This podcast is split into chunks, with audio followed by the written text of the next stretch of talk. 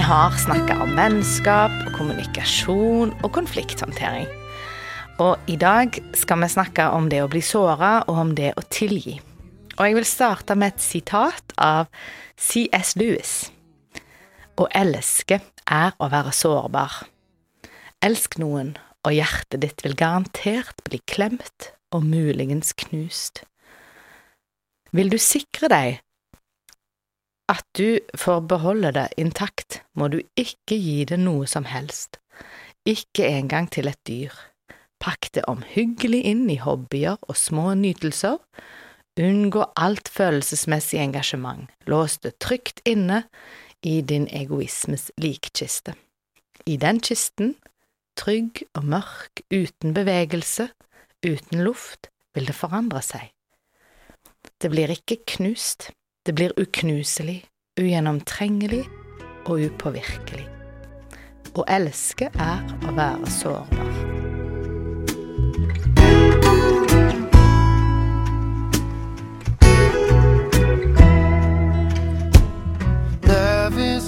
Når vi er gift, så er det umulig å ikke såre hverandre. Noen ganger gjør vi det med vilje, men ofte er det utilsikta når vi sårer andre. Men det skjer, og vi må forholde oss til det. Vi reagerer ulikt. Og nå for tida så er det jo nesten ikke grenser for hva tid vi kan kjenne oss krenka, eh, og at vi må si det, særlig på sosiale medier. Men i ekteskapet så er det litt annerledes. Her er det faktisk viktig å tillate seg å reagere. Det er lov å være sinte, og det er lov å være lei seg. Og det er faktisk viktig å kunne innrømme det og erkjenne det, og på den måten ta ansvar for sine egne følelser.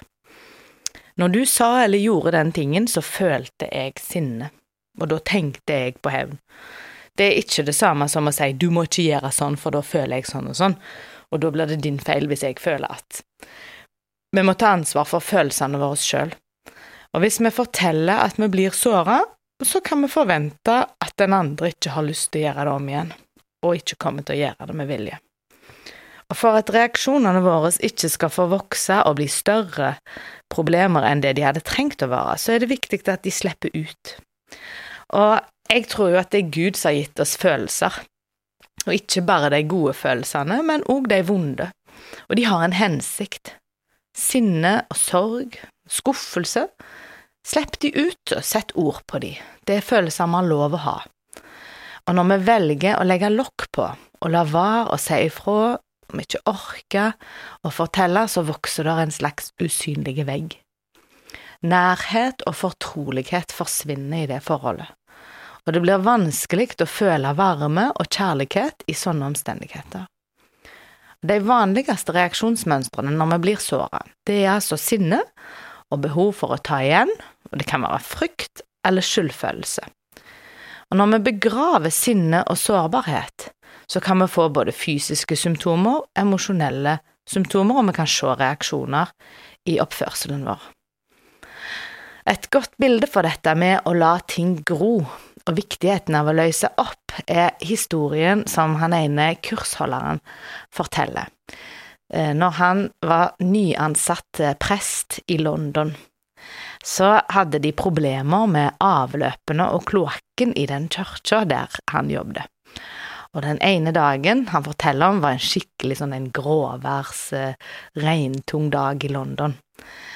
Og da var det fullt og oversvømmelse i hele gata og i kloakken i kirka der som han jobbet. Og han var da prest og måtte finne ut av dette problemet, av alle ting man må finne ut av som prest, så måtte han det. Og han sto der ute i gata i sammen med den unge frivillige ungdomsarbeideren, og så løfta de opp lokket på eh, kloakken, på eh, ja, en sånn kumlokk der, og så nok at det her er problemet, for det hadde tetta seg til med dritt. Eh, og så hadde de en sånn stong de sto og staka, og prøvde å stake men de hadde liksom ikke nok kraft når de sto på oppsida i gata og prøvde å stake der så de så at problemet og proppen var. Og her står han uh, unge presten og har lyst, på en måte, vet ikke helt hvordan han skal gjøre, og ser på all kloakken og all dritten og den proppen. Eh, og før han har rekt å tenke seg om, så har den unge frivillige arbeideren hoppa ned i kloakken og står i kloakk til livet. Og får skikkelig tak og greier å stake og dunke liksom hull eh, der som proppen hadde virkelig sett seg, da. Og plutselig da så hører de den der herlige surkellyden av at dritten begynner å renne under, og at alt vannet og at alt oversvømmelsen begynner å renne vekk, og det forsvinner ifra overflaten, og gata blir rein igjen. Og han kunne komme opp ur kloakken, og de fikk spyle han reine, han òg. Og sånn kan det være i samlivet vårt òg. Det samler seg opp mange, mange småting som til slutt gjør at det blir en tett propp, og kloakken begynner å flyte til overflaten. Og da er det ikke nødvendigvis en veldig vanskelig jobb så det må eksperter til for å løse. Det kan være relativt enkelt, men det er en drittjobb. Du må på en måte hoppe ut i dritten og bruke litt fysiske krefter på å stake det løst, men det er fullt mulig å få til for hvem som helst. Likt kan det være for oss. Sant? Prosessen handler om å løse sårene, eller å, å, å få rense unna det som har hopa seg opp. Sett ord på det, og innrøm det. Be om unnskyldning. Ta ansvar for det som hadde skjedd, og motstå trangen til å bortforklare eller å bagatellisere eller å unnskylde. Legg det fram og kall det for dritt om det er det det er. På samme måte som det er ubehagelig å ta opp og sette ord på det som er vanskelig, så krever det innsats å hoppe ned i den dritten og bruke musklene for å få løst det som hadde sett seg fast i kloakken. Så det å snakke om såre og vanskelige ting, det er ubehagelig, men vi må hoppe i det. Og vi må gi det litt innsats, og så vil det lønne seg for oss. Og da kan det som er vondt og vanskelig, få forsvinne vekk. Bibelverset for i dag er fra Efeserane 4,26. La ikke solen gå ned over deres vrede. Vi har i dag snakka om at det er vanlig å bli såra når du er i et forhold, og at det finnes sunne måter å håndtere det på.